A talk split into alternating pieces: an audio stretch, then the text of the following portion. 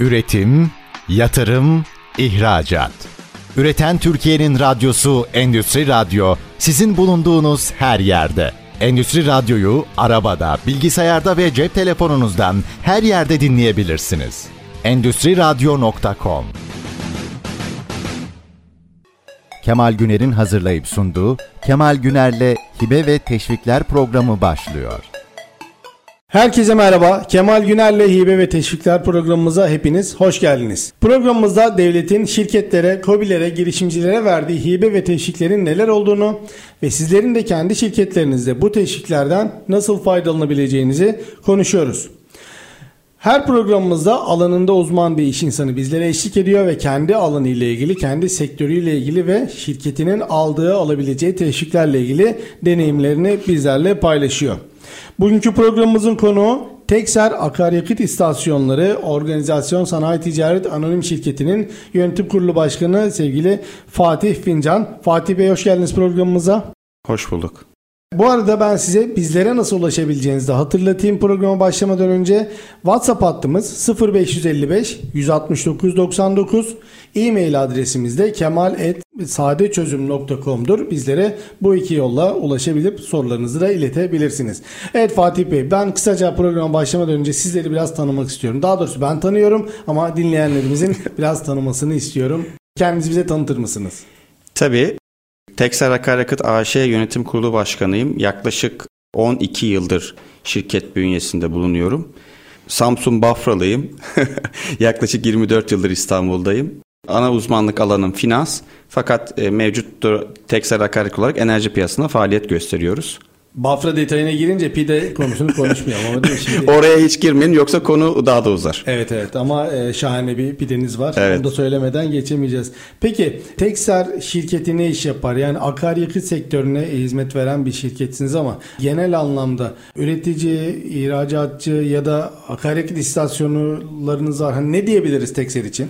Tabii Tekser 96 yılında kurulmuş bir firma. Kurulduğu noktada çok kısıtlı sermaye ile kurulan tamamen bilgi ve tecrübeye dayalı kurulmuş bir firma. Tekser'in ana iştigal alanı kurulduğu yıllarda adından da anlaşılacağı üzere teknik servisin kısaltması Tekser. Teknik servis vermek üzere akaryakıt istasyonlarında kurulan bir firma. Tabi yıllar itibariyle teknik servisin yanına ekipmanların tedariği, çeşitli hizmetlerin de eklenmesiyle hani günümüzde anahtar teslim bir istasyonların kurulmasından her türlü ekipmanın tedarine ve ihtiyaç olan her türlü teknik servisin sağlanması noktasında anahtar teslim çözüm sunan bir firma. Yani şöyle diyebilir miyiz? Ben bir akaryakıt istasyonu kurmak istiyorum. Bir yerim var.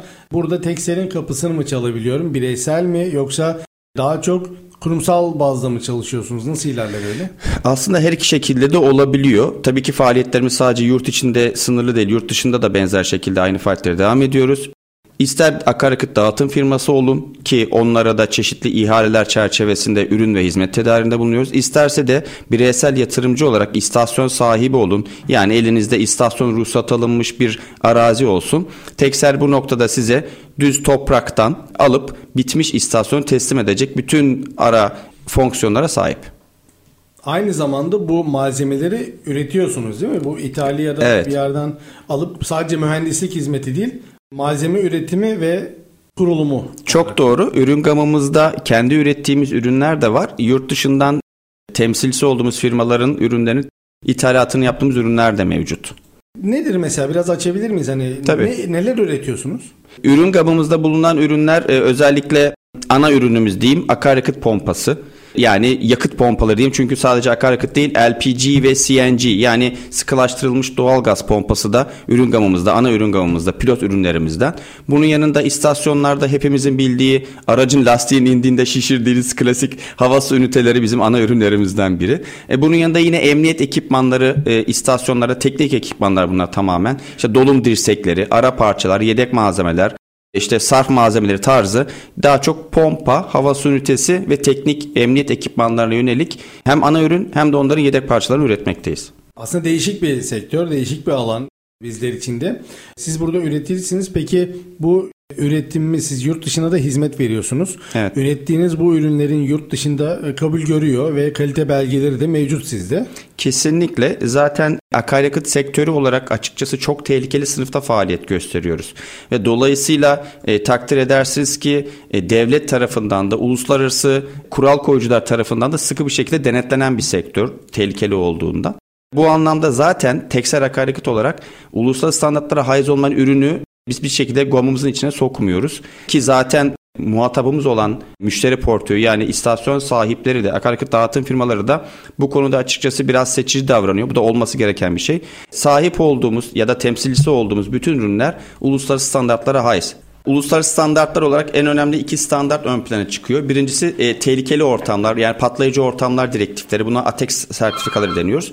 Bunun yanında da ürünün hassasiyetini ön plana çıkaran MID dediğimiz direktifler var. Bunlar da ölçüm direktifleri. Yani nihayetinde akaryakıt pompası bir sayaç. Bu sayaç ne kadar hassas, ne kadar tüketici güvenecek bu ürüne? Bu bahsettiğimiz normlar aslında bunu belirliyor. Bu nedenle hani ürünlerimizde daha çok ATEX ve MID standartları ön plana çıkıyor. E bunun yanında tabii ki yerel olarak TSE'nin uluslararası European Norms dediğimiz EN e, sektörümüzle alakalı EN standartlarının benzeri standartları da tabii ki sektörümüzde dikkate alınan kriterler.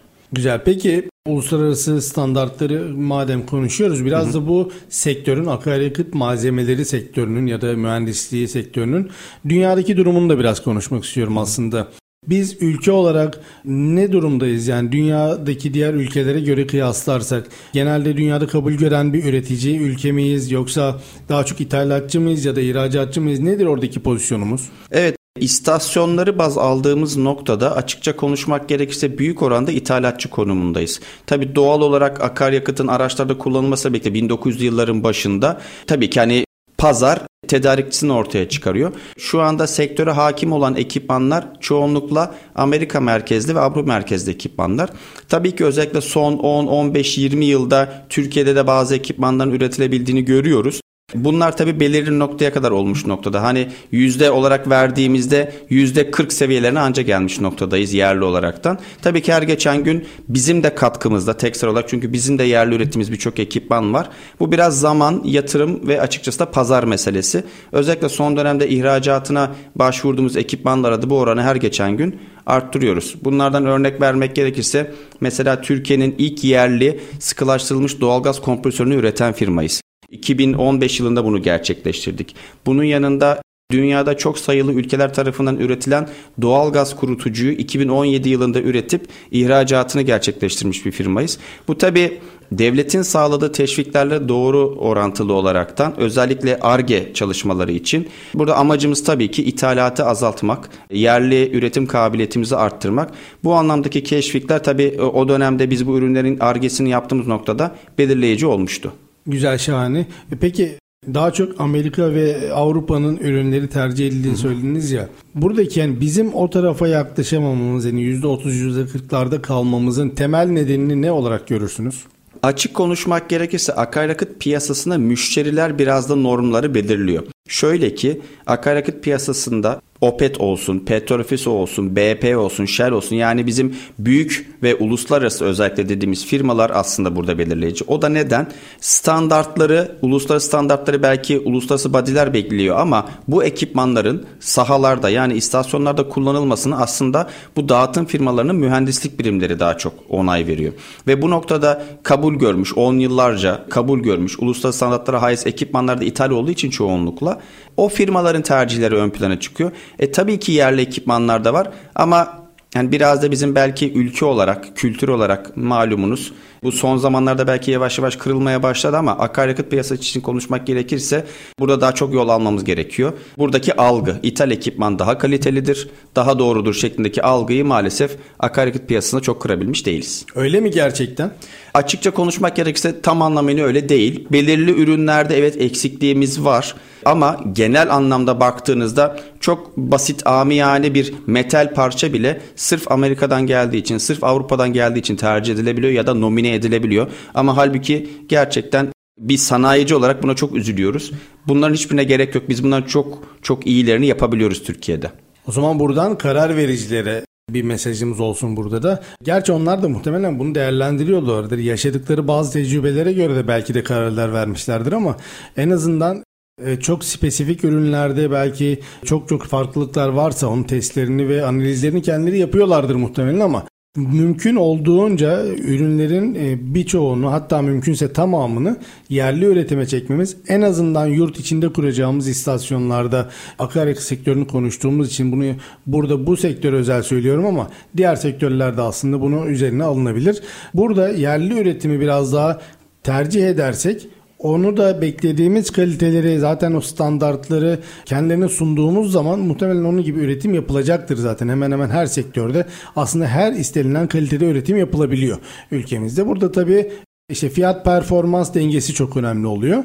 Buradan da duyurmuş olalım en azından kabul edilebilir kalitede, kabul edilebilir şartlarda yapılacak her üretilen üründe en azından ilk başta tercihimiz yerli ürünler olursa burada tabii ki de ülkemize hani hem mevcut şirketlere hem de haliyle bütün ülke vatandaşlarına artı katkısı değeri olacaktır. Peki Tekser ihracat yapıyor mu ya da yapıyor olduğunu az önce söylediniz. Nerelere yapar? Evet Tekser kurulduğu günden bu yana açıkçası hem üründe hem de hizmette ihracatını yapabilen bir firma.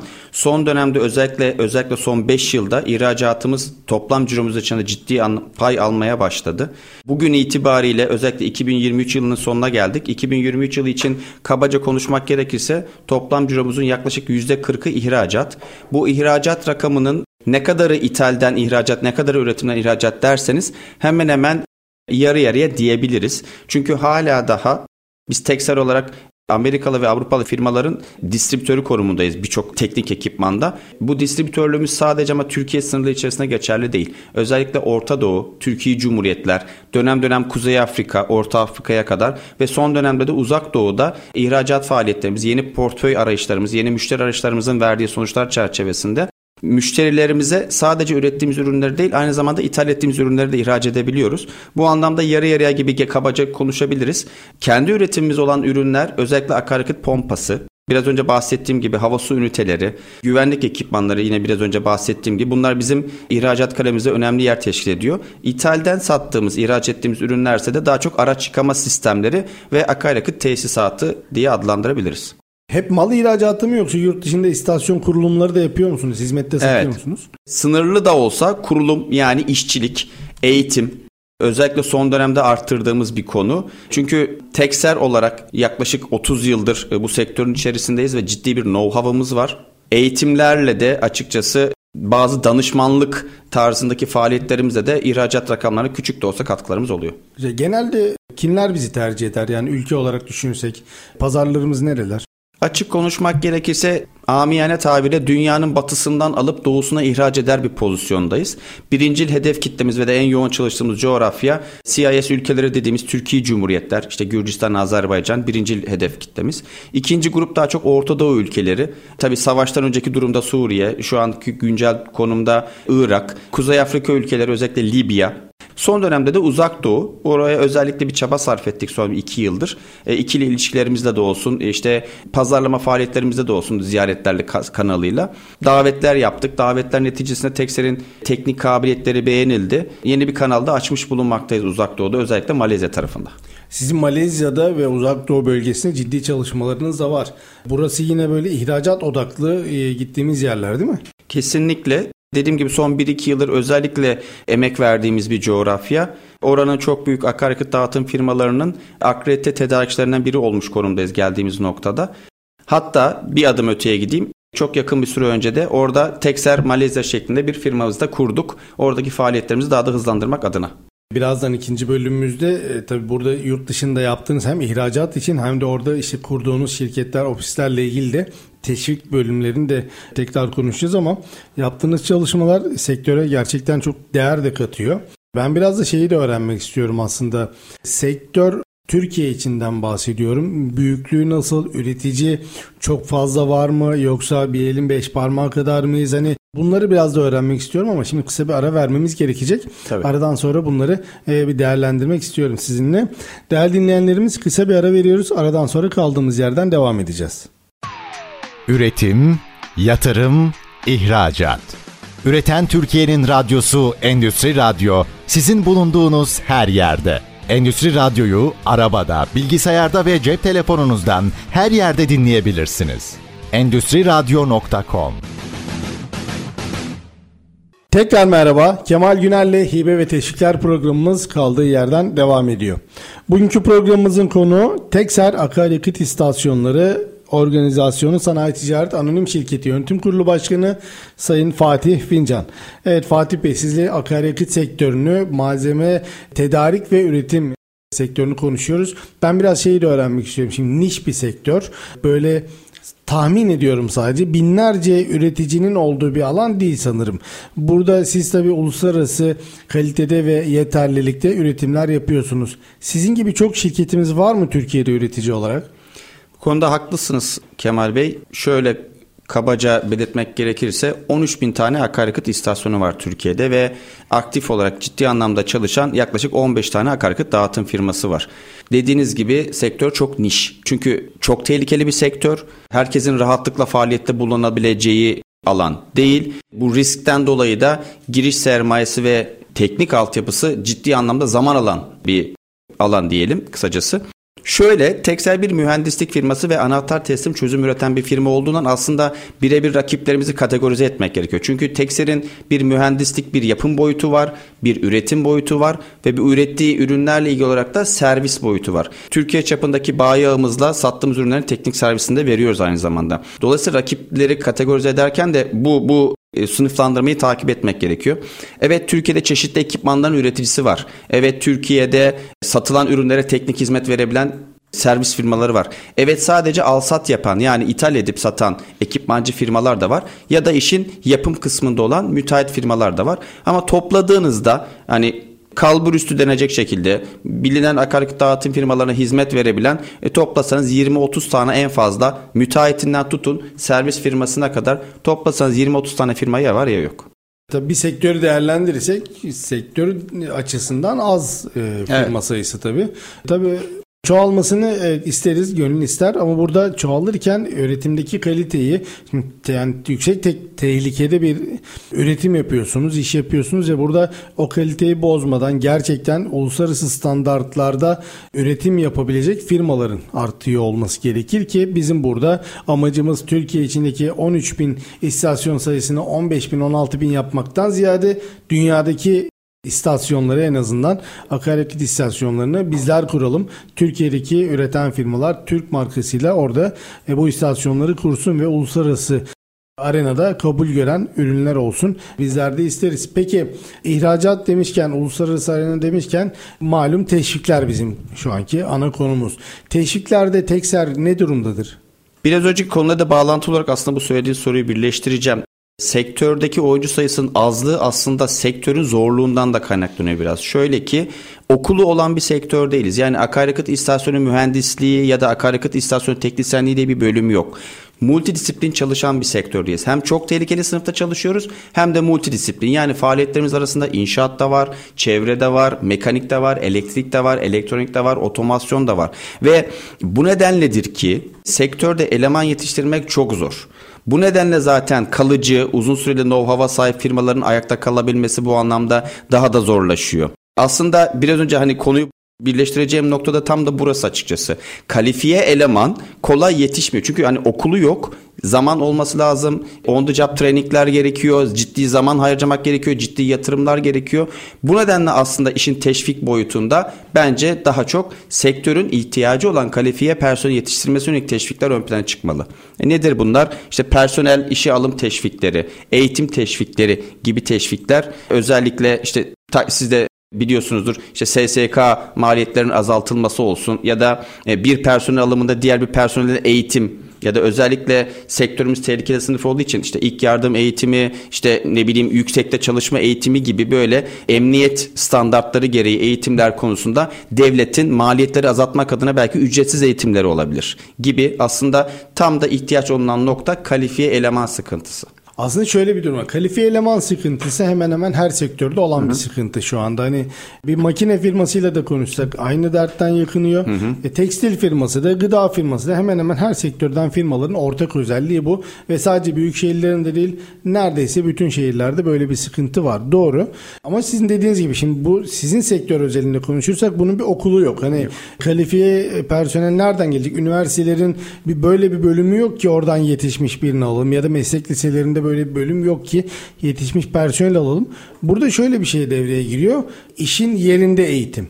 Yani Hı-hı. buradan da İşkur'a konuyu getirirsek İşkur'un işbaşı eğitim programı aslında. Hı-hı. Burada hem işi henüz bilmeyen, daha genç, daha yeni bu sektöre adım atmış kişilerin işin başında yani sizlerin yanında, sizin gibi üreticilerin yanında sahaya inerek yani imalat bandına inerek orada işi yaparak öğrenmesi süreci var aslında.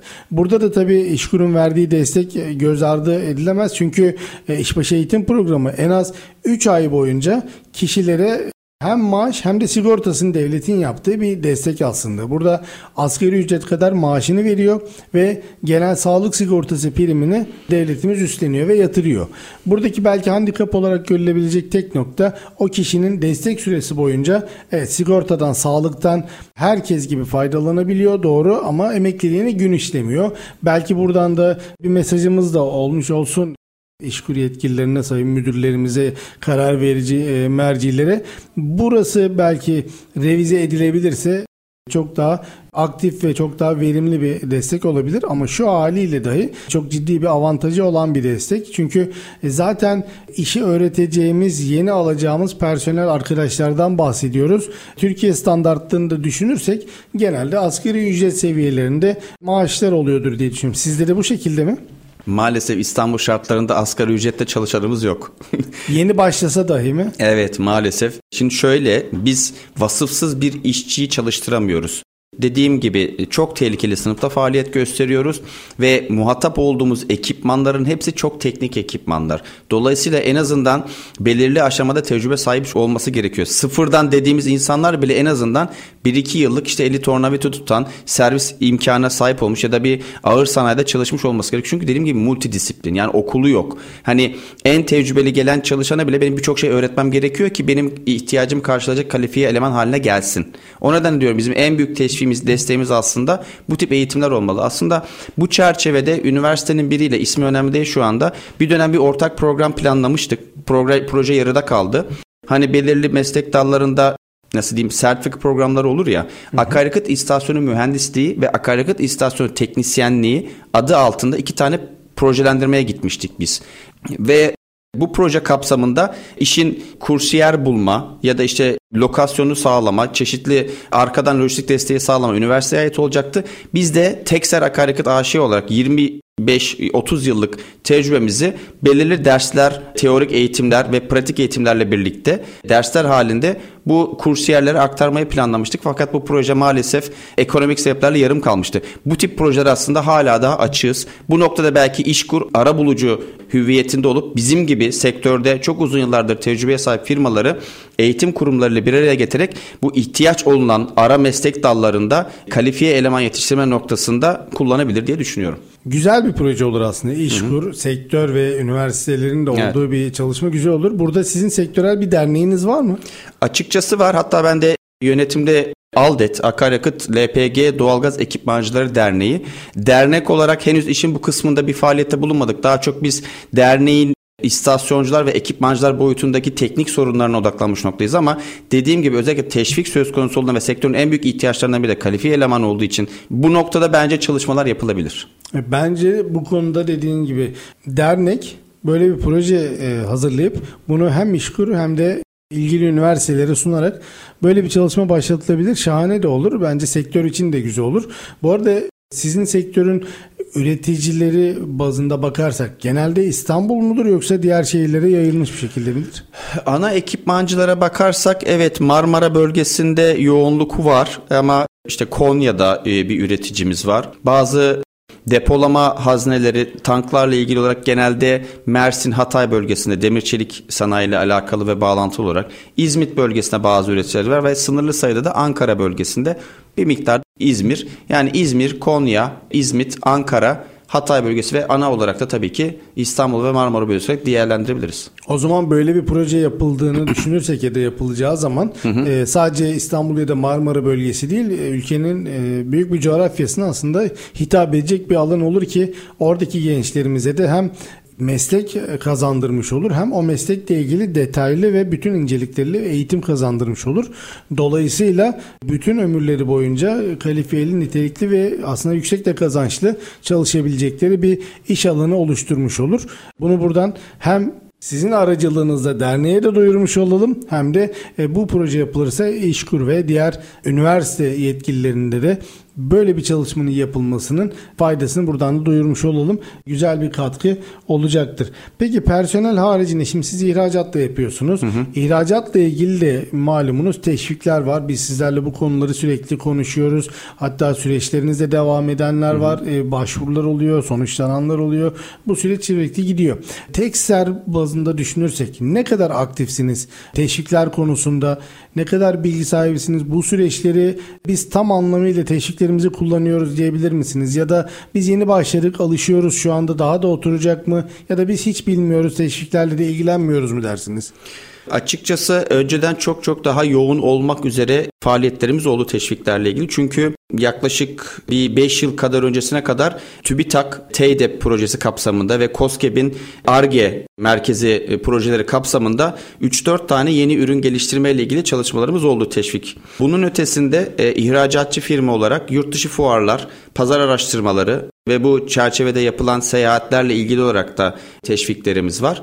Kısacası bu iki çatı altında ana desteklerimizi söyleyebilirim. Üçüncü kol olarak da tekrar söylemek gerekirse uluslararası standartlarda ürün üretip hizmet veren bir firmayız. Dolayısıyla birçok ürünümüz ve hizmetimiz e, bu uluslararası sertifikasyonlara tabi ve birçok da sertifikamız var. Bu sertifikalar noktasında da yine devletimizin teşvikleri mevcut. Bu noktada da çalışmalarımız olmuştu. Bu üç ana başlık altındaki çalışmalarımızı kategorize edebiliriz. Güzel yani e, teşvikler konusunda en azından bilgili ve hı hı. E, süreci yöneten bir şirketsiniz. Peki sektör olarak düşünürsek sektörün teşviklerle ilgili durumu nedir sizce? Diğer üreticiler de diğer firmalar da bu konularla ilgili çalışmalar yaparlar mı? Şahsi fikrimi söyleyeceğim. Tecrübe ettiğim tabii ki bilgi sahibi olduğum birkaç konu var. Ama genel intibam e, tam anlamıyla e, sahip olunduğunu düşünmüyorum. Bu imkanlardan tam anlamıyla yararlanıldığını düşünmüyorum. Bilmiyorlardır da muhtemelen birçoğun diye herhalde Muhtemelen öyle öyle yani bilgi eksikliği olduğunu düşünüyorum. Genelde aslında sizin sektöre özel bir şey değil bu tabii ki de ama genelde firmalarla görüştüğümüzde evet teşvikleri duymuş oluyorlar. Bazı konularda bir fikirleri oluyor ama kimisi doğru kimisi yanlış oluyor. E, eksik oluyor büyük çoğunluğu. Birçok nedenden dolayı firmalarımız bu teşvik süreçlerini çok fazla e, yönetemiyorlar aslında. Yöneten güzel yöneten de çok firmamız var tabii ki de ama yüzdesel baktığımızda büyük oranının bu süreci yönetemediğinin biz de maalesef her gün şahit oluyoruz aslında ki birçok farklı alanda birçok harcamamızı aslında devletimiz sağ olsun çok ciddi destekler veriyor. Yani ben mesela teşvikleri görüştüğümüz firmalara aktardığımda çoğunun yüzündeki şaşkınlığı görebiliyorum. Hani hatta şey şu soru bile hep geliyor. Şimdi bir desteği anlatıyoruz.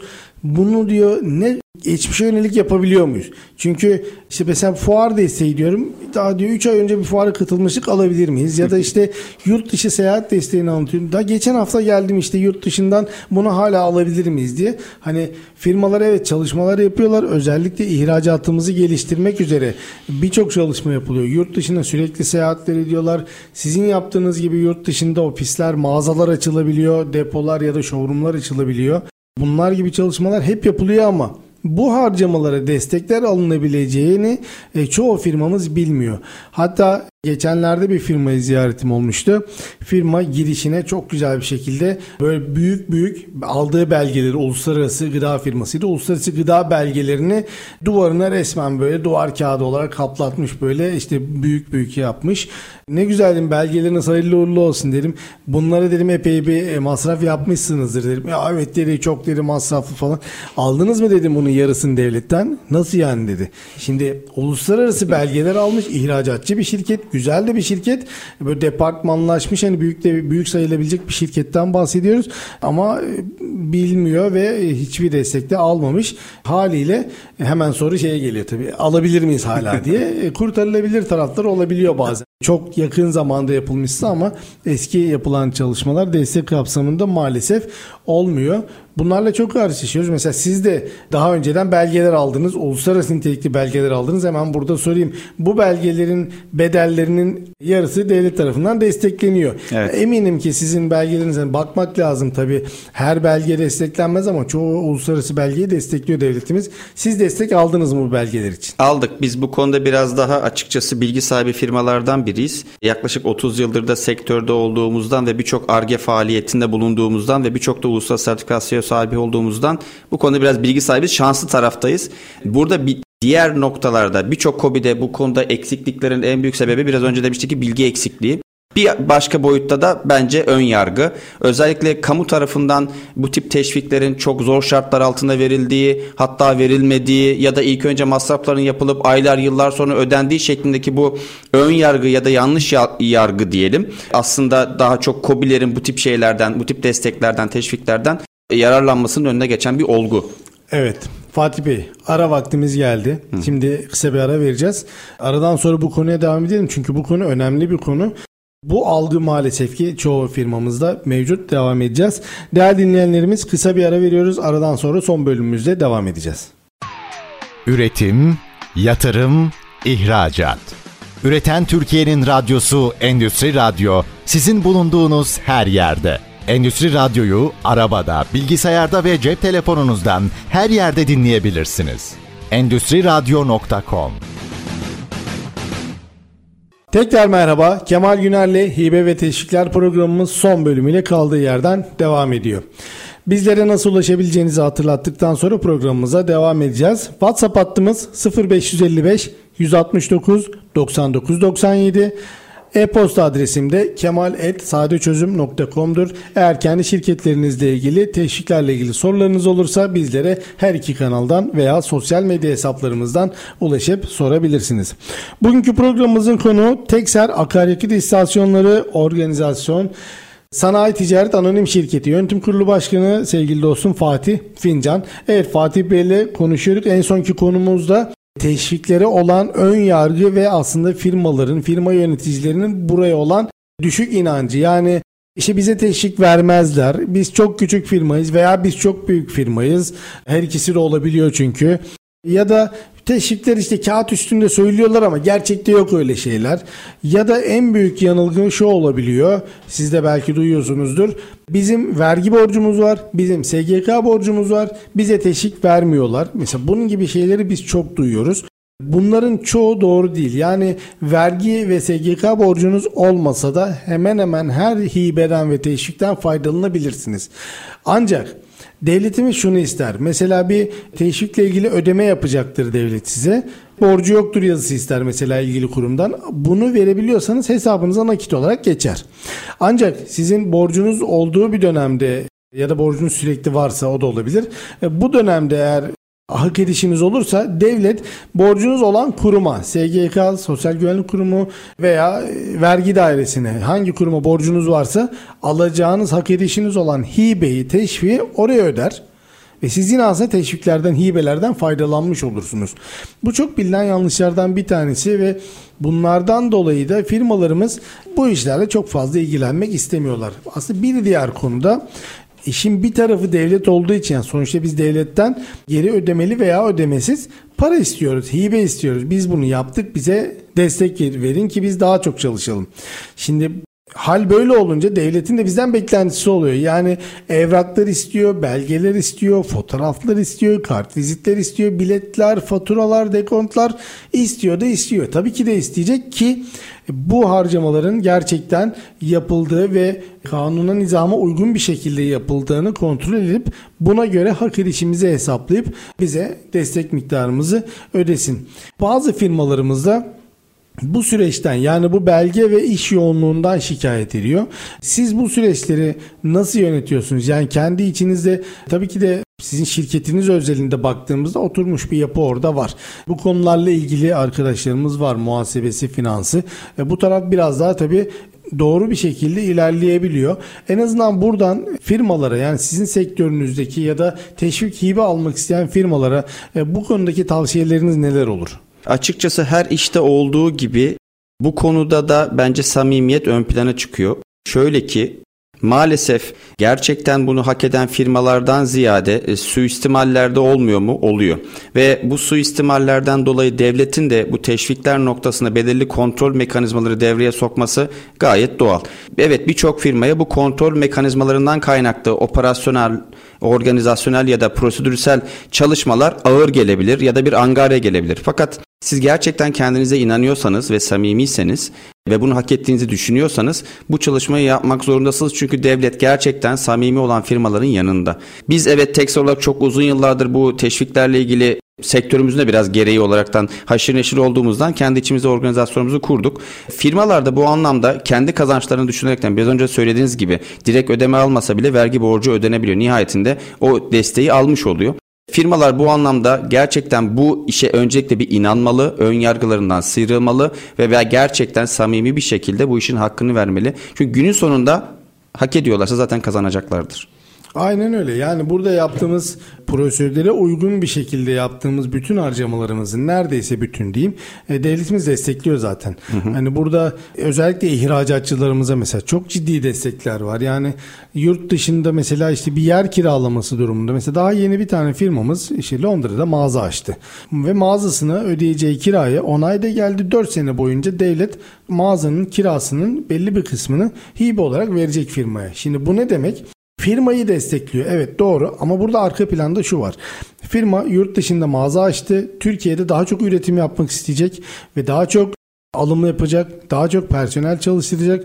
Türkiye'de üretip kendi markasıyla, Türk markasıyla yurt dışına daha çok ihracat yapacak. Bu ne olacak? Bu konuyla hiçbir ilgisi olmayan herhangi bir vatandaşa bile milli gelirin yükselmesi şekliyle bir katkısı olacak. Bu şekilde çalışmalara her firma kendi çapında, kendi yeterliliğinde destek sağlaması hepimize fayda sağlayacaktır haliyle. Yani bunun gibi örnek veriyorum sizin işte ne yapıyorsunuz? Uluslararası niteliklerde üretimler yapıyorsunuz, belgeler alıyorsunuz, yurt dışına gidiyorsunuz, geliyorsunuz. Bu ihracatı arttırıp evet firma gelirini arttırmaya çalışıyoruz doğru. Ama bunu büyük resme baktığımızda firma geliri artacak, sektörün geliri artacak, ülkenin geliri artacak haliyle bu da hepimize fayda sağlayacak. Tabii teşvik bilinci yüksek olan şirketlerden bir tanesiniz. Bir şey de sormak istiyorum size. Teşvikler konusunda bu kadar hani bilinçli bir sektör temsilcisi olarak genel anlamda teşvik konularından memnuniyet durumunuz nedir? Yani evet devlet her konuda bize destek verir. Yeterlidir mi dersiniz? Rakamlar boyutunda, konu bakımından e, yoksa şu konularda şöyle destekler de olsa iyi olabilir diyeceğiniz e, durumlar var mıdır? Açık konuşmak gerekirse devletimiz ihracatı arttırmaya yönelik gerçekten samimi bir şekilde üreticilere ve ihracatçılara destek oluyor. Burada özellikle bizim gibi kobilere düşen burada samimi olup bu işin prosedürsel boyutunu tamamlamak için kendini donatmalı ve bu tip aktiviteleri, bu tip teşvikleri daha çok takip etmeli. Benim burada diğer kobi özellikle yöneticisi ya da sahibi arkadaşlara tavsiyem bu işe inanmaları. Çünkü devletimiz gerçekten özellikle ihracatçıların arkasında. Kısaca söyleyeceğim bunlar. Peki şimdi teslik süreçlerinden az önce siz de bahsettiniz ya belgeler çok vesaire devlet isteyecek bunları tabii hı hı. ki de. Sizi teşvik süreçlerinizde en zorlayan konu ne oluyor? Ya da zorlayan bir konu var mı öyle söyleyeyim.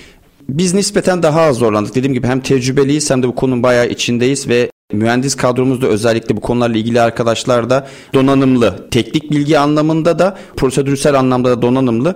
Zorlayan kısım bir başvuru sürecinde olabiliyor. Onun haricinde normal süreç ilerleyişinde çünkü gerçekten konuya yetkin uzman arkadaşlar gerek çoğunlukla üniversitelerden ben TEDEP ve COSGAP projelerini kastediyorum. Yani ARGE projelerini kastediyorum daha çok. Bilgili kişiler geliyorlar ve gerçekten de yapıcılar. Yani biz samimiyetimize inandıkları noktada gerçekten hak ettiğimiz noktada devletimiz bu anlamda arkamızda. Sadece zorlandığımız nokta belki teşvikler hangi alanlarda diye kobilere daha çok eğitim verilirse ya evet biz niye burada destek almıyormuşuz diye onların kafasında o aydınlanmayı yaşatabilirsek ülke olarak bence en açık nokta burası burayı tamamlamış oluruz diye düşünüyorum. Ya bu tabi yaralı olduğumuz bir konu her anlamda çünkü yani sanayicilerimiz, ihracatçılarımız, firmalarımız, esnafımız dahi yani alabileceği hibelerin teşviklerin neler olduğunu maalesef çoğunluğu bilmeyebiliyor. Tabii uzmanlarımız, ilgili kurum çalışanları mümkün olduğunca buralara yetişmeye çalışıyor ama biraz da aslında iş bizlere de düşüyor. Yani işin özel sektör tarafına çok düşüyor. Takip edilmesi gerekiyor. Yani mesela siz de sektördesiniz ama sizin gibi diğer firmalar ne kadar acaba bu teşviklere vakıflar ve takip ediyorlar? Siz şimdi bilinçlisiniz ve takip ediyorsunuz ama benzer bir firma bu kadar bilmeyebiliyor. E, burada aslında biraz da iş sanayicilerimize yani iş insanlarımıza kalıyor. Bunları takip etmek gerekiyor. Yani burada neredeyse bütün kurumların diyeyim hemen hemen her ay belirli dönemlerde yayınları olabiliyor. Canlı yayınları olabiliyor. Sosyal medya üzerinden yayınları olabiliyor. Ya da sosyal medya hesaplarında bilgilendirmeler sürekli yapılıyor. Güncel oluyor bunlar ya da online platformlarda kapalı oturumlarda teşviklerin anlatıldığı toplantılar yapılabiliyor. O yüzden ben buradan tavsiye de etmiş olayım, duyurmuş da olayım. Her e, kurum yetkilisi kendi ilgili olduğu alanlarla ilgili e, hepimiz sosyal medya kullanıyoruz. Bu kurumların da sosyal medya hesaplarını takip etsinler. Eğer e-posta bültenleri varsa bu kurumların ki hemen hemen hepsinin var. Bu bültenlere üye olsunlar ve lütfen rica ediyorum gelen mailleri okundu olarak işaretleyip bir kenara atmasınlar. Çünkü orada bir cümle olabiliyor, bir şey olabiliyor ve çok ciddi bir farkındalık oluşturabiliyor. Reklam maillerinden hepimiz bunu almış durumdayız ama kurumların özellikle gönderdikleri e-postaları biraz detaylı incelemekte fayda oluyor. Çünkü yaptıkları çalışmaları oralardan bizlere duyuruyorlar. Şimdi hani genelde biz hani şikayet edebiliyoruz. Yani kurumlar yani daha çok çalışma yapsın, daha çok eğitim yapsın, daha çok bilgilendirme yapsın ama bir eğitim yapıyor. 20 kişi katılıyor, 15 kişi, 50 kişi vesaire. Hani orada onlarca, yüzlerce kişinin olması gerekiyor aslında. Çünkü orada detaylı olarak aktarılabiliyor. Çünkü burada fiziki etkinlikler de yapılıyor ama çevrim içi online ortamda çok daha geniş bir kitleye çok daha hızlı ulaşılabiliyor aslında. Ama katılım burada az olabiliyor maalesef. Zorlandığınız yeri sorduk ya bir de iyisini de soralım. Hep kötüyü sormayalım. Memnun olduğunuz taraf yani teşvik süreçleriyle ilgili en memnun olduğunuz taraf nedir? Ben tabii kendi tecrübelerimden, Tekser Akaryakıt olarak ve Fatih Fincan olarak kendi tecrübelerimden paylaşayım. Ödemeler noktasında hiç zorlanmadık. Yani dosya dört dörtlükse, dosyada bir sıkıntı yoksa operasyon anlamında, belge anlamında devletin ödemelerinin çok kısa sürede yapıldığına bizzat şahit oldum. En kolay kısmı buydu. Ben biraz aslında son birkaç dakikamız kaldı. Şeye de girmek istiyorum. Akaryakıt sektörünü konuştuk ama sektörün biraz daha tabii üretim tarafını, istasyon üretimi tarafını ve malzeme, ihracat vesaire bu tarafları konuştuk. Biraz da akaryakıt girişimciliği, akaryakıt istasyonu girişimciliği tarafını da aslında konuşmak istiyorum sizle. Yani bu sektöre giriş yapmak isteyen, yeni başlamak isteyen birileri varsa, yani Türkiye'nin herhangi bir yerinde buna uygun bir yeri var mı yok mu bunu düşünüyorsa ya da bununla ilgili detaylı bilgileri nereden alabilir? Bu sektöre nasıl giriş yapabilir? Bu akaryakıt giriş, istasyon girişimciliği ile ilgili de biraz bilgi verir misiniz? Tabii. Sadece akaryakıt olarak da düşünmemek gerekiyor. Bugün yakıt olarak benzin, dizel var, LPG var ya da işte doğal gaz var. Sıkılaştırılmış doğal gaz olarak işte özellikle toplu taşıma araçlarında kullanılıyor. Yarın hidrojen olabilir çok yakın gelecekte. Hali hazırda güncel olarak elektrik elektrik, E, elektrik gündemde. İstasyon konsept değiştiriyor olabilir. Yakıt çeşidini değiştiriyor olabilir ama istasyon olgusu hep olacak ama bizim bildiğimiz klasik istasyon şeklinde olacak ama otoparkımızdaki bir tane dolum noktası şeklinde olacak. Dolayısıyla burada teknolojiyi ve değişimi iyi analiz etmek gerekiyor. Tabii ki nihayetinde bir yatırımdır. Burada işin vergisel boyutu çünkü çok regüle bir piyasadan bahsediyoruz. E, kar marjınızın dahi devlet tarafından belirlendiği bir piyasadan bahsediyoruz. Bu anlamda uzun vadeli hesap kitabın iyi yapılıyor olması gerekiyor. Hem istasyon yapılacak alanla ilgili gayrimenkulün değerlemesi noktasında hem de içinde uygulanacak teknolojinin ne kadar daha devam edeceği noktasında nihayetinde genç bir ülkede yaşıyoruz. Nüfusu ciddi anlamda artan ve paralelinde araç sayısı her geçen gün artan bir ülkede yaşıyoruz. Türkiye bu anlamda şanslı. Yani çünkü potansiyeli çok ciddi bir ülke. E, burada önemli olan dediğim gibi enerjinin çeşidi ve istasyonun konseptine olan business planı çok iyi yapmak gerekiyor. E, bunun haricinde sektör nihayetinde enerji sektörü dünyayı yöneten birkaç sektörden biri ve hiçbir zamanda bitmeyecek bir olgu. O nedenle ben yatırımcılar açısından baktığınızda çok potansiyeli olan bir alan olarak özellikle istasyonculuğu önerebilirim. Çok güncel olduğu için de aslında buna kısaca bir değinmek istiyorum ama elektrikli araçlar biraz geç ama çok hızlı girdi hayatımıza bence. Tahminimde böyle 1-2 seneye kadar herhalde birçoğumuzun altında elektrikli araçlar olacak diye düşünüyorum. Şimdi bu tabii bir yandan da işin yakıt tarafını yani depolama, enerji tarafını devreye sokuyor. Siz elektrikli istasyon tarafında var mısınız? Öncelikle onu sorayım. Evet sınırlı da olsa varız. Sadece elektrikli değil alternatif yakıt olarak biraz önce bahsettiğim gibi LPG, CNG ve çok yakın zamanda Türkiye gündemine ciddi anlamda gelecek olan Avrupa'da çünkü çok ciddi anlamda var son dönemde. Hidrojen gibi alternatif yakıtlar istasyon konseptimizin içinde var. Bu muhtemelen yakında elektrikli araç istasyonları ya da şarj üniteleri gibi bir girişimciliği de aslında yavaş yavaş getiriyordur. Muhtemelen şu anki istasyonların belli bir kısmı dönüşmeye de başladı. Doğru. Yakında belki bu belli bir kısım atıyorum şu anda %10'a %90'sa belki 40-60 belki 50-50 olacak şekilde şekillenecektir. Onu henüz bilemiyorum tabii ama ben artacağını da düşünüyorum. Buradan belki en azından bu sektöre girmek isteyecek yatırımcılara da girişimcilere de en azından bunu da belki duyurmuş oluruz ki yeni kurulacak istasyonlar belki buna göre planlanıp devam etmesinde fayda olacaktır. Evet Fatih Bey programımızın yavaş yavaş sonuna geliyoruz. Ben biraz e, sizden son sözlerinizi ve daha doğrusu program için son sözlerinizi diyeyim almak isterim ve sektöre, sektör temsilcilerinize vermek istediğiniz mesajlar varsa neler söylemek istersiniz bunu bir öğrenmek isterim. Tabii özellikle yerli üretim kabiliyetlerini son zamanlarda artırmaya çalışan bir kobi olarak diğer sektördeki sanayici arkadaşlara tavsiyem ülkemize inanalım. Ee, ülkemizin çok ciddi potansiyeli var. Büyüme potansiyeli olan bir ülkede yaşıyoruz. Birçok noktada teknik anlamda da kabiliyetimiz oluyor. Öncelikle kendimize inanalım. Bu potansiyeli realiteye dönüştürmek adına da devletimizin bize sağladığı teşviklere de bence ciddi anlamda önem verelim. Çünkü gerçekten bu anlamda samimi olan özellikle küçük firmalara, kobilere devletimizin ciddi teşvikleri var. Devletimizle birlikte de büyüyecek potansiyelimizi geliştirelim diyorum. Evet Fatih Bey çok teşekkür ediyorum programımıza katıldığınız için.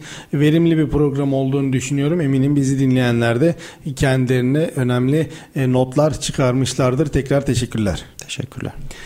Evet değerli dinleyenler programımızın sonuna geldik. Bugünkü programımızın konu Tekser Akaryakıt İstasyonları Anonim Şirketi Yönetim Kurulu Başkanı sevgili Fatih Fincan'dı. Fatih Bey'le akaryakıt istasyonu sektörünü, sektördeki daha doğrusu ülkemizin sektördeki ülkedeki dünyadaki özür diliyorum durumunu birlikte değerlendirdik. Bir sonraki programımızda tekrar görüşmek üzere.